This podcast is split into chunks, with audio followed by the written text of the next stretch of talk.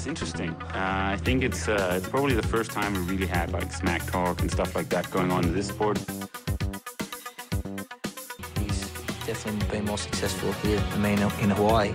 But I've beaten him up many times, and he knows that when all the people aren't around him patting him on the back and he looks at himself in the mirror at night when there's no one else, he knows I'm the real deal. Some people talk and they never won Ironman in Hawaii, so I could talk. I won twice.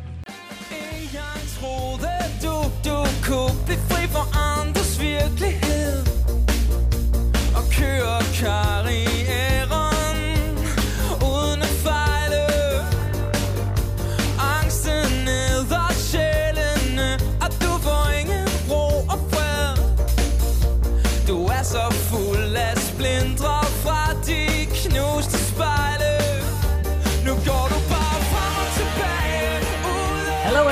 Welcome to the Tribal Podcast. It's been almost 10 days ago since we had the uh, South Africa Championship, and uh, one of the guys who make quite an impression on me is Sebastian Norberg from uh, Sweden. Sebastian, uh, welcome to the podcast. Thank you very much. Thanks for having me. Sebastian, if you have to be completely honest with me, did you expect to be the fastest Swede in uh, that championship race? Uh, not really, uh, but uh, yeah. Uh, unfortunately, Patrick had to pull out. So, uh, but uh, otherwise, I, I think I was where I where I thought I would be. Yeah, it's um, it was of course a very stacked field. You end up in 14th place, but let's go through the race a little bit. Um, they had to to not cancel the swim, but to shorten it a little bit. What were your thoughts leading into the race, jumping into that rough water? Yeah, that's right. Uh, me, me and Jonas uh, we we just stand on the beach and uh, looked at the ocean, and it uh, it seemed quite quite uh, calm actually at the beginning. So uh, we didn't know actually why they were shorten uh, the swim, but it makes sense when we when we started the race. The the current was super strong and there was some swell as well, and uh, but uh, yeah, managed to do a quite okay start from the beginning. Uh, I like those long run uh, beach starts. They it fits me quite well because I have long legs. Yeah. So yeah, I just ran full speed and did uh, a few dives, but uh, yeah, I felt from the beginning that it was going to be a, a short but very hard swim. So uh, it was uh, actually quite uh, hard out to the first buoy, and very hard to to sighting. but found after like two, three hundred meters, I found two guys to swim with, and I saw it was. Uh, Michel Weiss and uh, I think one or two more guys. Yeah, and uh, just I just thought let's let's get it done and, and, and move on to the bike. Exactly. So yeah, but, I was just just quite thankful that it was shortened because otherwise I think yeah, many people would have been lost out there. Yeah. Um, you were about five minutes down to leader Josh Amberger, who is also one of the best swimmers out there, and uh, came up out of the water together with Mickey Weiss, who ended up in third place. What were your plans going? Did you try to uh, stick on the wheels with Michael Weiss, or was that the lost cause? What were your plans? Just uh, sticking to your own watch, or what were you when you headed onto the bike? Yeah, uh, for for the first, uh, I thought I wouldn't lose so much time on that short swim because I lost basically as much as I've done uh, normally on a full swim. But yeah, so uh, I didn't know uh, how much they were up to to the bunch or to the to the pack. But uh, I've been up with uh, with uh, Weiss in uh, Elsinore actually last year. Yeah. He, he was up like 20 seconds behind me, and he passed me 5k into the bike. And that time, I stayed with him for maybe four kilometers or something at 350 watts and that wasn't a half Ironman. But now I was just like, uh, okay, just stay to my own watts. I knew uh, I would not like to go over three, 310, 320 in the beginning because I know it's, it would be just like waste of energy. So I just just let him go and, and stack to my pace and uh, yeah, just hold my quite hold around 300 something. Yeah. We saw at one point that you you lost your bottles, I think, uh, during the live stream, and you actually turned your bike around and to pick those bottles up. What went through your head at that point? You were, of course, a little bit behind on the swim. Have to go back to pick your bottles up. Um, did you uh, manage to to get into the race mentally again to to find your own rhythm, your own race again? Did you see me drop bottles and pick him up? Where was that? Oh, um, I think it was uh, in the start of the race, but maybe it wasn't you. Maybe it, it was another Swedish athlete. I just saw it was a Swedish athlete, and I thought it was you, but maybe that is not true. Yeah, no, no, no. I, I can't remember that actually. 'cause Okay. I, I thought it was Jonas or, or, or KJ or someone else because. Oh, okay, Uh, it could have been but Jonas. I, I- I lost I lost one of my bottles uh, as well, and I think everyone lost something on that bike course because it's so bumpy and it's so brutal. Yeah, But uh, I- I just saw it today actually when I went through some pictures. I saw I uh, at the beginning, just 500 meters onto the bike course, I didn't have my rear bottle on. So I think I lost it uh, when I jumped on the bike, uh, or or someone took it from my bike. I don't know. I just saw when I when I left T T1, I didn't have my rear bottle, and that was basically half of my energy consumption in that bottle. So yeah, I ran out of energy halfway basically, but uh, uh, yeah, I had I had um I go with Maurten energy, so I have uh, two, 200 almost 200 uh, gram in my in my front bottle and 200 grams in my rear bottle, and then I had three four gels uh, on the frame. So um, now I was just uh, just at uh, two, 200 almost uh, plus uh, plus the gels. So. Yeah. Uh, but uh, my plan was to catch some gels in in uh, the aid stations, but I didn't manage to. So uh, yeah, I had what I had and just kept going. Sebastian, you're a pretty uh, big guy, uh, 190 uh, tall, and I don't know how much you weigh, uh, 85 kilos or so. Uh, 75 to 77. I'm, I'm quite lean. yeah, yeah, yeah, yeah. Tall, tall, lean, sweet. So did, did you Yeah. did you bonk uh, because of the lost energy, or did you actually manage to, to keep your energy level, even though you? Uh, Lo- yeah, yeah. Actually, I kept my energy level quite quite normal. Actually, I didn't bonk uh, very much, but uh, my plan is uh, basically to to take in about 100, 100 grams per hour on the bike, and, and then I know I, I can I can uh, I can handle it on the run because I don't take in super much energy on the run. If I if I've done it properly on the bike, I knew I can go for like three two years an hour on the run. Cool. It was a really windy day. Um, so when reaching T2 after the bike, were your legs totally toast, or or were you ready to? Have you saved a little bit of energy to to the marathon? What were your thoughts and strategy heading into the marathon? Two third. Uh, when we done two third of the second lap, when we had like 30k left or 20k left, it's uh, it's quite a ongoing uphill, uh, almost all the way to the to the last hill. And uh, yeah, I think I, I faded a bit and was down to like 250 or something, and and I lost uh, I lost one guy that I caught, uh, the Swiss guy. I don't know remember his name now, but he he was quite strong, and he, he we were pacing each other, and and, and yeah, keep working on. But I lost him uh, like 10k from from T2, and just basically made it up to the hill where I knew it was like 7k going going descending. So entering T2, uh, yeah, it's just uh, natural habits, just going going through the routines and getting the shoes on and just just getting out there. And, and my plan was to do.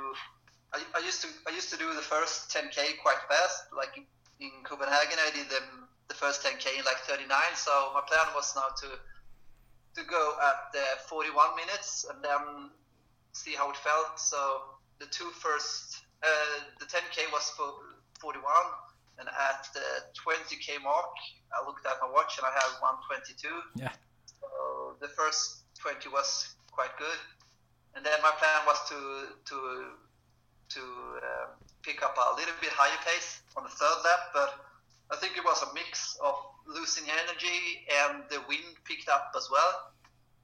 So super strong winds going one way, and also you have a small, quite small, but uh, yeah, small hills in the end of every every lap.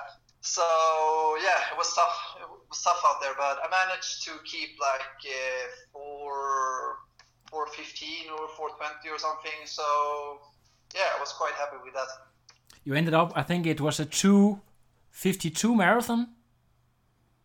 Yeah, I think it was uh, something like that. Yeah. Yeah, really, really good for a, for a big guy like yourself in in the heat. Um, there was also a Swedish battle going on with uh, KJ Danielsson. Uh, how far into the race did you uh, caught up with him? Uh, I think I caught him at uh, like 20k mark or something. I think I did two laps, and uh, he was running very good. The first uh, the first 10k, I didn't I didn't caught anything on him, and uh, so he faded a bit at 20k. So then I passed him, had a little chat with him. We're good friends. So he just told me that people up in front uh, would be would be fading. So he, he gave me some energy, and I just kept pushing. Okay, so that's a, a healthy rivalry you have there. Good friends and uh, cheering for one another. Yeah, yeah, yeah, yeah. Of course, uh, that's uh, we we're very good friends. So we, we even stayed uh, the first night when he came down. He he stayed with me uh, in my room because his friends uh, arrived the day after. So yeah, we we prepped a little bit together coming up to the race as well. That's that's super cool. I could see on Instagram uh, quite a lot of uh, Swedish people, uh, pros and age group athletes there in South Africa this year. Yeah, yeah, it's it's popular among Swedes yeah. for sure. Cool. Um, some reflections after the race. Um, are you happy with the development you're going through right now? I know you're aiming for Kona uh, sometime in the future in a 14th place in a stack field like this. Are you satisfied with how things went and uh, the the path that you are at? Yeah, uh, basically this this race was uh, was just a race I wanted to do this early in the season, just to have a race uh, to, ra- to have a race boxed off, like uh, see where I am in my training. I, I wasn't uh, expecting any anything high because I know I, I, need to go on a few more months in the season to be where I want to be. Yeah. So with with that in mind, I think uh, I, I'm, I'm I should be really really happy with the results. Yeah, I think it's uh, it's it's quite amazing actually because it's really like I I read somewhere that it was 75% uh, of a normal Kona field, so that, that tells us what kind of a class field this really was. Yeah, for sure. And I think the most, the most, the coolest uh, thing is when you can you can race and uh, like uh, the second lap, you saw a very much uh, of the the really good guys like Kyle Buckingham, I passed him on the bike. He was like bonked totally. Yeah. And and always uh, McNamee, he was always, also bonked, and he was just they were just sitting up, and then you realize how high pace the, the front pack on the bike they had. Exactly, we're talking about the the winner of South Africa last year. We're talking about the third place in Kona. People like that get, getting thrown out of the back of the race. Yeah. Uh, so that that gives you motivation. Yeah, exactly. I think I think most of them in that pack they had like uh, half Ironman watts for for the whole the whole bike, and uh, just ripped themselves into pieces. So uh, and uh, yeah, some people uh, came back later, like McNamee. He passed me like 30k or something into run. It was quite cool to to be in front of him. Yeah. Uh, and yeah, very talented guys were among like eight to to twelve uh, position. That's super cool. Are there someone in particular who you are impressed with of the other pros you, you look up to? Uh, maybe a, a, guy like Ben Hoffman or some of the other guys you uh, you really uh, inspired by?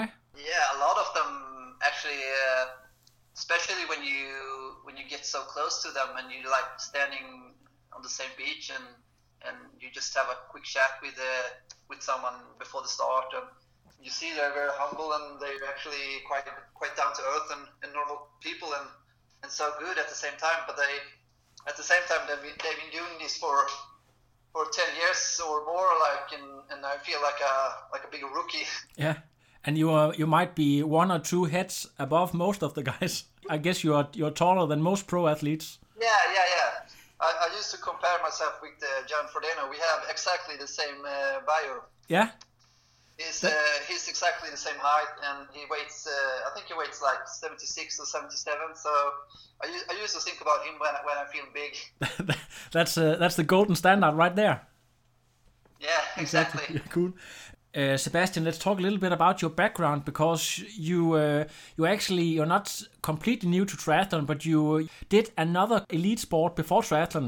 Uh, that's uh, motocross. Talk a little bit about uh, what kind of level you had and uh, and what you can take from motocross uh, into endurance sports like triathlon. Yeah. Uh, so I'm I'm basically not. Um, I, I- didn't do uh, much sport when I was when I was young. I started at uh, after you know when you had uh, well, mo- moped and stuff. You know Yeah, when I was like 16, 17, uh, I bought my first uh, dirt bike uh, and starting started training at, at a local track. Uh, and I realized uh, quite fast that I liked to compete. And at the same time, I found uh, like fitness training. So I started running. I started cycling, mountain biking, and yeah, up to that, I, I trained uh, dirt bike three times a week and competed uh, at the weekends. And um, yeah, I just kept going with that. And just quite fast got uh, better and better. Um, so um, it's quite uh, quite hard to to to learn uh, such a sport. It's it's almost like uh, try to be good at swimming or something. If you if you're not doing it from from when you're really really young, uh, it's it's very hard to competing. So I competed in um, like the three four last years uh, when I was like 22 to to 25. I competed in uh, a series. It's called the Swedish Cup. Uh, so you're you're basically there is 150 persons that tries to qualify for the Swedish Championship. So it's much more challenging than, than doing triathlon actually. So of those 150 persons, there is three top three. They get a wild card to the championship. So there's people coming from all around the country and uh, do those competitions. So uh, that I, I came third. Uh, I think that was 2012 or 13, uh, the same year as I finished. I came third uh, in the first uh, first round, and uh, and tried to qualify for the Swedish Championship, but uh, I, I didn't I didn't qualify. I just I just didn't manage to qualify. So I think I realized at that point when you put in so much energy and a really much really much money, it's like triathlon is like super cheap if you compare to uh, dirt bike racing. So uh, yeah, I just I just realized it's so hard with sponsorship and everything in that sport, and you need you need like two persons employed to to to do all the maintenance with uh, with all the bikes and stuff. So I just realized that I'm gonna do something else.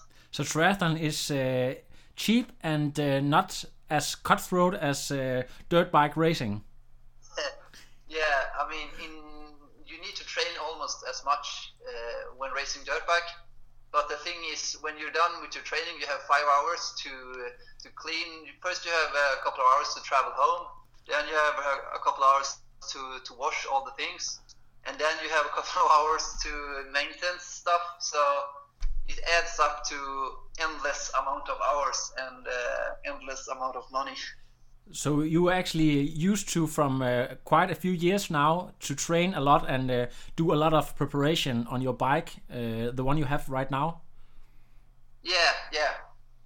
That's that's super cool. But um, triathlon, when did that come into the picture? I read somewhere that you you I don't know if you moved to Australia to study, but that you really uh, took up triathlon after uh, living in Australia for for a year or so. Uh, no, not a year. It was uh, basically 2013. Uh, I stopped with dirt bike racing uh, in the beginning of summer, and then I did a few uh, a few amateur races, uh, sprint races, like like all the races I could do that summer, sprint races around Sweden, and yeah, I just I just came up to that I want to do to like trying to get to get to the elite level or something. But uh, I wasn't very good then, so I thought, uh, where, where should I go to, to learn about this sport? So therefore, I uh, I flew to Australia that winter. Uh, it was actually just for two months, but um, I had contact with a club in Melbourne. All right, so you so you moved to Australia to to learn how to become an elite athlete. Yeah, basically. exactly. That's fantastic. That's amazing. Yeah, because I knew it was a, a little sport in, in Sweden, and I knew, or I read somewhere or something, that it was uh, much more bigger down there. So I think uh, I thought the easiest way to learn is to look uh, look at the best. So you you you arrive in uh, in Melbourne. Were you uh, were you surprised? Did uh, did Australia live up to the expectations you had? Yeah, uh, I don't know if, if Melbourne was the right place. I don't know why I picked Melbourne, but I, I got in contact with the, the Melbourne Triathlon Club, and uh, directly, I think the first day when I arrived, I just stepped into the to the swimming pool and just uh, had a chat with them, and yeah, everything just uh, just went perfect. That's that's so cool. Uh, what's what's the most important thing you you took from uh, training down in Australia? Uh, I think I think uh, I was just doing as much as I could in in, in terms of hours. Uh, like basically, I've always been doing quite too much high intensity and too much volume. So I think now I'm, I'm starting to to learn a little bit more how to train or or the, the recent years. But uh, I just I just was uh, doing everything I could. Yeah, and did you uh, hook up with a coach there, or just uh, train with a local club?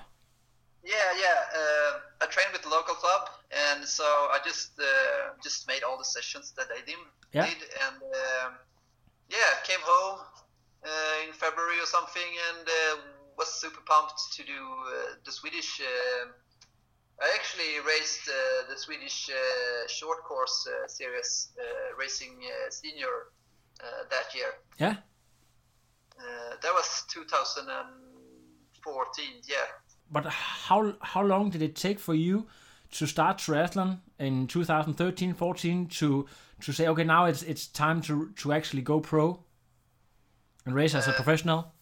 Yeah, uh, I'm not sure actually. I think it's uh, it's very floating when you when you can call yourself uh, professional or not. I think uh, it's uh, yeah. I'm not sure, but I, I was aiming for that from the first day. Actually, I, I was not I was not starting at thinking about uh, I just want to do it as a hobby. I, I was thinking about that from the beginning. So Yeah. I, I think I just slowly slowly moved into that. Uh, yeah. I can see that uh, one year you were very focused on Xterra. Yeah, that's right. So the first uh, two years, basically, uh, 14 and 15, I uh, I did the Swedish uh, Olympics uh, series and a Sprint Olympic, and then uh, yeah, because um, I, I do um, I do a lot of mountain biking as well. So na- naturally, that got my thoughts into Xterra, and I think it was the same year, uh, 16, that I tried uh, half distance. So I thought uh, 16 uh, should be my year to do both uh, half distance and Xterra, and yeah, try. I just tried to find out what uh, what what fits me. Yeah, and uh, I can see that that you uh, ended up in Kona, so you you actually did pretty well. Or uh, not in Kona, sorry, in uh, in Maui. Oh yeah, Yeah.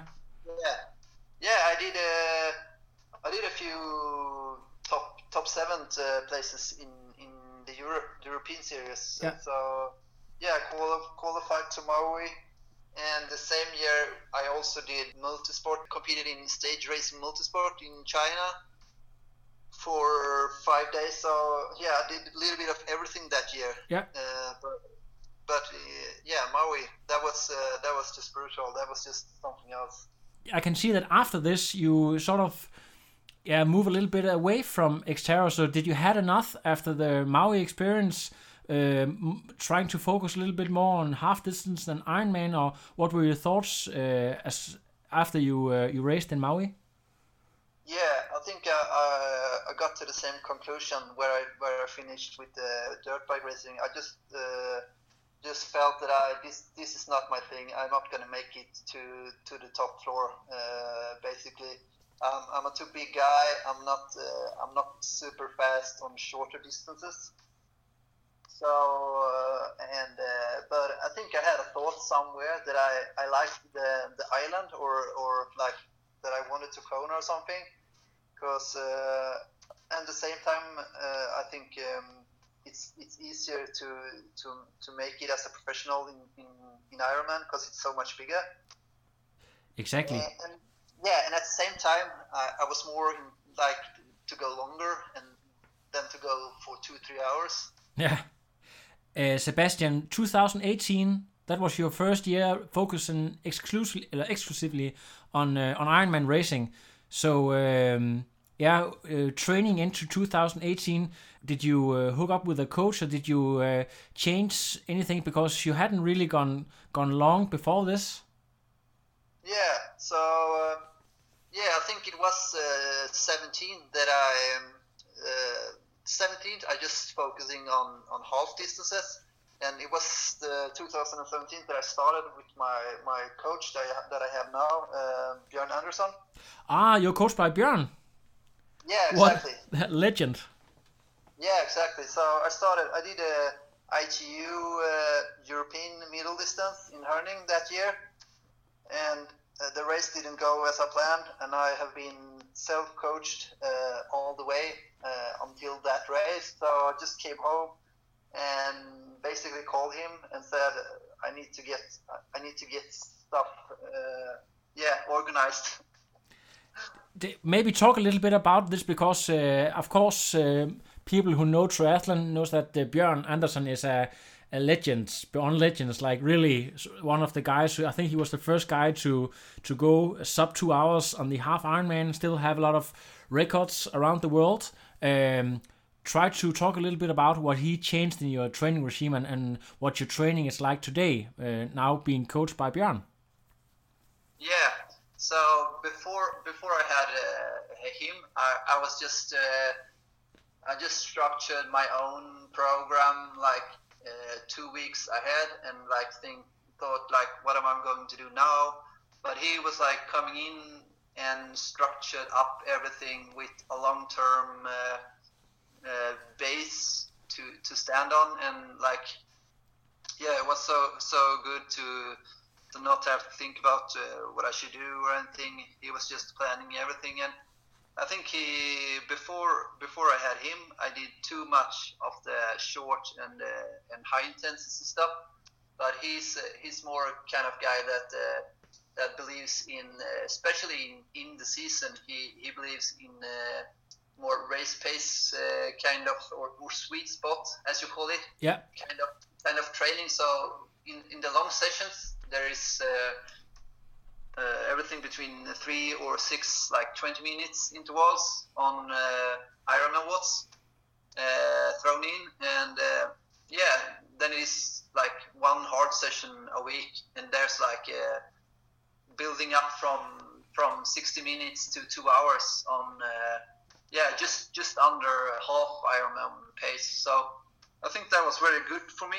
So I learned my body to to pace myself and to to just stay consistently at high watts and just getting used to that. So yeah, all those sessions just came into me, come into my training, and yeah, uh, I felt very good with that. So I just only I think it was four weeks later or something um, when I when I first time did uh, the Swedish half distance championship and uh, actually won that championship uh, uh, in Vansbro.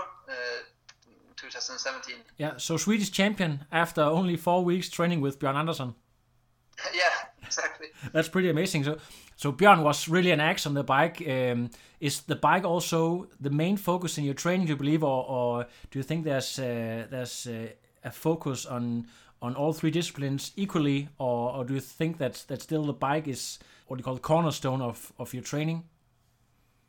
Um, yeah, uh, it's in, in, in terms of hours. uh, I train bike the most, but in, in the weekly program, there's usually four uh, four swim sessions, but he he's not super advanced in, in the swim sessions. They they're quite basic actually. There is a they're, they're, they're between three and a half and a four and a half k, and uh, yeah, quite basic. And I also have my, my, my swim coach now, so he, he's not uh, he's not very much uh, like uh, saying exactly what I should do on the swims. And uh, then basically, yeah, the most hours are on the bike, but it, it's uh, it's used to be three to four sessions with one really long sessions, one to two shorter, just covering the mileage, and and one uh, one harder session.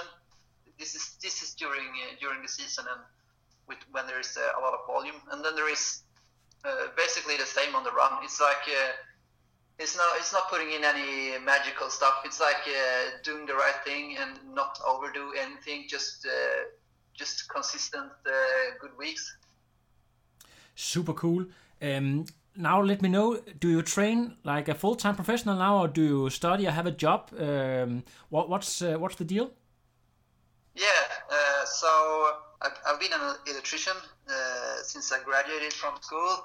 And uh, yeah so i always uh, always done that up to to sporting. So uh, nowadays i work 50% as an electrician. And yeah, train the rest of the time. Yeah, cool. So uh, a typical training week, um, like in the in a heavy block towards maybe uh, an Ironman like South Africa, uh, can you fill people in uh, a lot of uh, morning hours or just uh, spread it out during the day?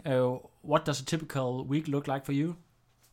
Yeah, so typically I work two days. maybe I work Monday and Tuesday, and and just getting one sessions uh, a day, uh, Monday and Tuesday, the afternoon there, and uh, then I put in the rest of the sessions, and normally the big bike sessions and the run sessions I do on the weekends. So yeah, Wednesday, Thursday, and Friday I have two sessions, one morning and one evening, and then uh, usually a long bike uh, on Saturday and then a swim on the afternoon, and then uh, a long run, uh, two to three hours uh, on Sundays. Super cool. I know that you you place yourself in in Varberg, uh, which is actually quite close to Denmark.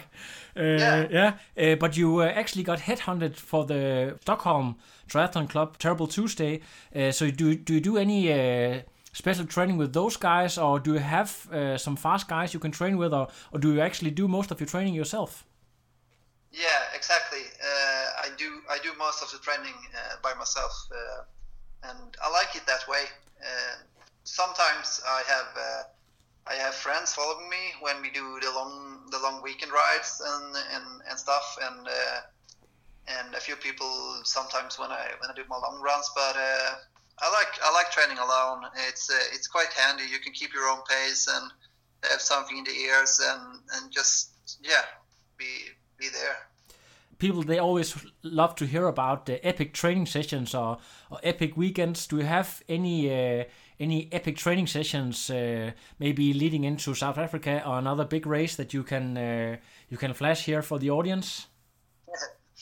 Uh, I don't know actually. Sometimes I like to to do long rides, like from from one point to another, but uh, uh, I don't remember really. I, we had I had a, a quite cool four day uh, uh, cycling event with our company in September last year when we when we were biking from from Turing. You know where it is? Uh, not uh, maybe you can help uh, help me a little bit. yeah, it's in it's in northern Denmark. it's like in the middle of the northern Denmark. Oh, okay. And we, yeah, we biked there for for, uh, for uh, a company that that uh, sponsored me a little bit, and we biked to their factories in uh, in Holland actually. So we biked uh, a hundred uh, or a thousand k in, in four days. Oh my god! Cars and stuff. So that was that was quite fun. Yeah. But otherwise, I don't know. I don't have any super crazy training days. I like to, to add up uh, good days upon another. So it's maybe a little bit more about consistency. Yeah, exactly. Yeah. Yeah, I think it's uh, it's it's more for me. It's more about long term goals and just keep myself going for for many many years. Not not do anything crazy right now.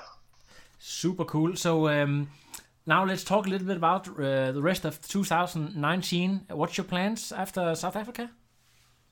Uh, I'm starting to recover quite well now, so I'm moving into another block now, and uh, I'm actually gonna call Björn after this and, and see what he, he has in mind. He, he's not uh, normally he, he's not telling me uh, until it starts, so that's that's quite good, I think. So he's giving me some time off, and and, um, and so, but uh, the goal is to start training for Kalmar.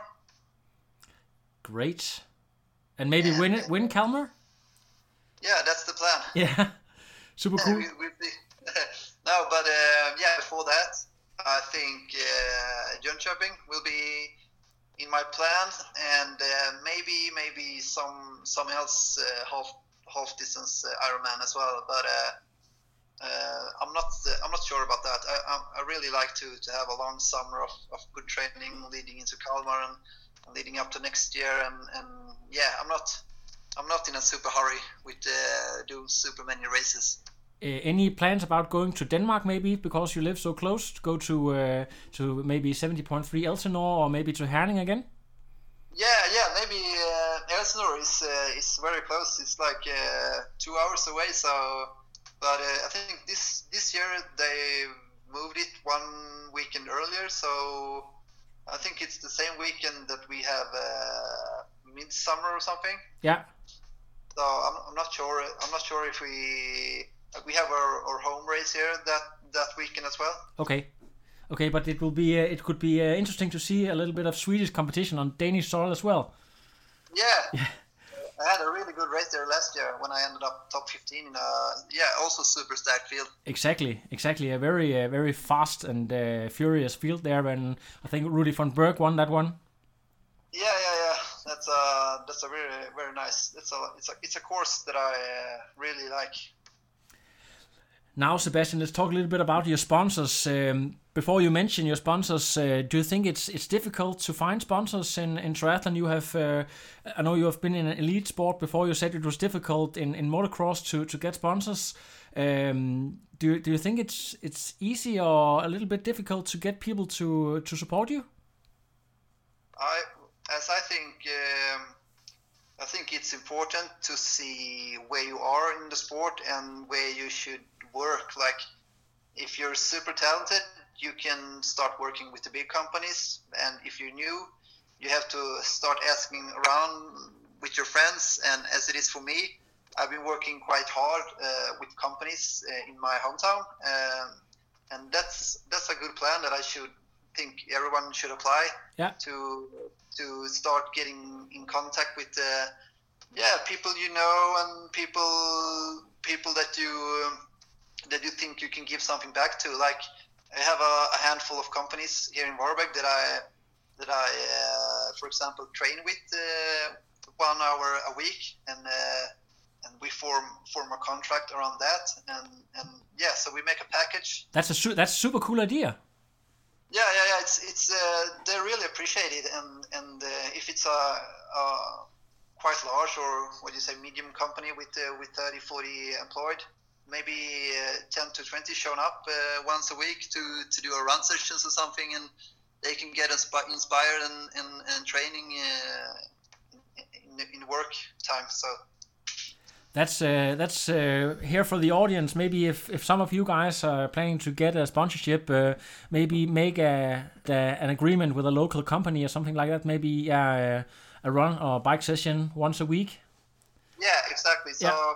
For me, I, I, used to say it starts with uh, when uh, coming to the company and having a having a what, what do you call it like a, a speech. Yeah. Uh, and then yeah, then it just goes on. So I think uh, most of the people that wants to get sponsored, they just want to get something uh, out of it. They they, just, they don't know what they can give back. So so people then, forget that it goes both ways. Yeah, exactly, and it goes one way if if you're if you have 20,000 followers and you're super talented and have all the eyes on you, then it works that way that you can just take take and, and put a, a, logo on your on your uh, on your uh, visor. But uh, yeah, otherwise you have to to give much more back than advertising. Exactly, but uh, yeah, it's let's uh, let's uh, get some names here. you you are welcome to to plug your sponsors here for a little bit. Yeah, so my, my current sponsors is Björn Borg, a Swedish company. Underwear. Yeah, yeah. I think seventy percent of their of their income is based on on um, underwear. But uh, yeah, so and then we have uh, Apollo Sports, and uh, we have Trek Bikes. We have Vertisit in in Varberg, uh, digital communication. I have the local uh, the local bank, Handelsbanken, and uh, I have an electrician company called RM, and yeah, Terrible Tuesday. We have um, the Terrible Tuesday Pro Team supporting us very good. And uh, yeah, a couple of others, uh, but uh, yeah, I think it's very good to have a, a little bunch of close connections where you can yeah cool sponsor package right there if people want to follow your journey uh, is it facebook or instagram or both uh, where can people follow you uh, yeah both of them what do you call on instagram uh, basically, just my name, Sebastian uh, Norberg. Yeah. Yeah, and uh, do you have an athlete page as well on Facebook? I do have. It's uh, Sebastian Norberg Triathlete. Super cool. Do you ever, um, if you go to sponsors, uh, does people ask you about uh, social media? do you think that that companies ask into stuff like that, or or is it more like you said, take them for a run or stuff like that, or or what what is what is your experience with that? Yeah, I think it depends on which uh, which brand you are approaching. If it's uh, if it's a company that works with uh, yeah something totally else, they they don't have no idea who yeah. you are on Instagram. But if you're approaching like a bike brand or a shoe brand or something something that you just only can get the stuff out of, I think uh, they are looking for the first what kind of athlete you are and uh, yeah, what, what's what's your uh, what's your uh, okay. stuff, and, then they're looking at uh, Instagram. But I'm not I'm not very sure they, they do that super often. Not in not in my case because I'm I'm not very big there anyway. So yeah. It seems like you have uh, things figured out anyway. It's just uh, there's a, a, discussion going on between you know uh, being huge on social media and being an athlete that produces results and yeah um, does other things. So it's an it's an ongoing uh, discussion. Yeah, it's, but it's I think uh, results uh, starting starting to fade away because the, there is so many age groupers that have super cool deals that uh, like if you're a top top between top 10 and top 20 in big races you don't get those deals because yeah you're not you're not uh, get they don't get they don't get the value out of it as, as they do with the with the top age groupers. Exactly, I think you're right there, and uh, I think we are starting to see more of that. But uh, but let's see what happens in the in the following year. It's it's a it's a trend that's interesting to follow at least. Yeah, I think everyone that that are approaching a company, they would think like if they were the company, where would they put their money? Then they found out quite quick that were an advantage to to put the advertising. Yeah, it's it's cheaper and they get a lot more views and clicks uh, sponsoring an, an age group athletes, I believe. Yes, exactly. Yeah. Exactly. Okay, Sebastian, it was a pleasure for me to interview you. Uh, if you uh, have some cool race pictures, then I will uh, use that for for promotion of the podcast. I will go to um, edit this uh, ASAP, and I think the podcast will be out already uh, at midnight or maybe early tomorrow morning. Oh, nice! I'm I'm super humbled to to be into this. Uh, I've uh, I've heard a lot of your uh, interviews with uh, a lot of really top names, so I'm really humbled to be to be in your podcast. Yeah, it's uh, it's a pleasure to, uh, to for me. It's interesting to uh, to hear about new uh, pro names, and um, I'm looking forward to follow the rest of your season. And also, uh, I hope that that you the crack the the Kona qualification. If not this year, maybe in the following years. Yeah, I hope so too. Yeah, super, Sebastian. Uh, you're always welcome back on the podcast. Maybe after um, Kalmar. Yeah, yeah, yeah, for sure. Yeah. Thank you. Yeah. Uh, thank you so much, Sebastian. We uh, I hope to talk to you later. Yeah, the Yeah. same. Yeah. Take care. Have a nice evening. Yeah. Bye. Bye. No, I am done. Another. But no, it's, I'm done. I have no power.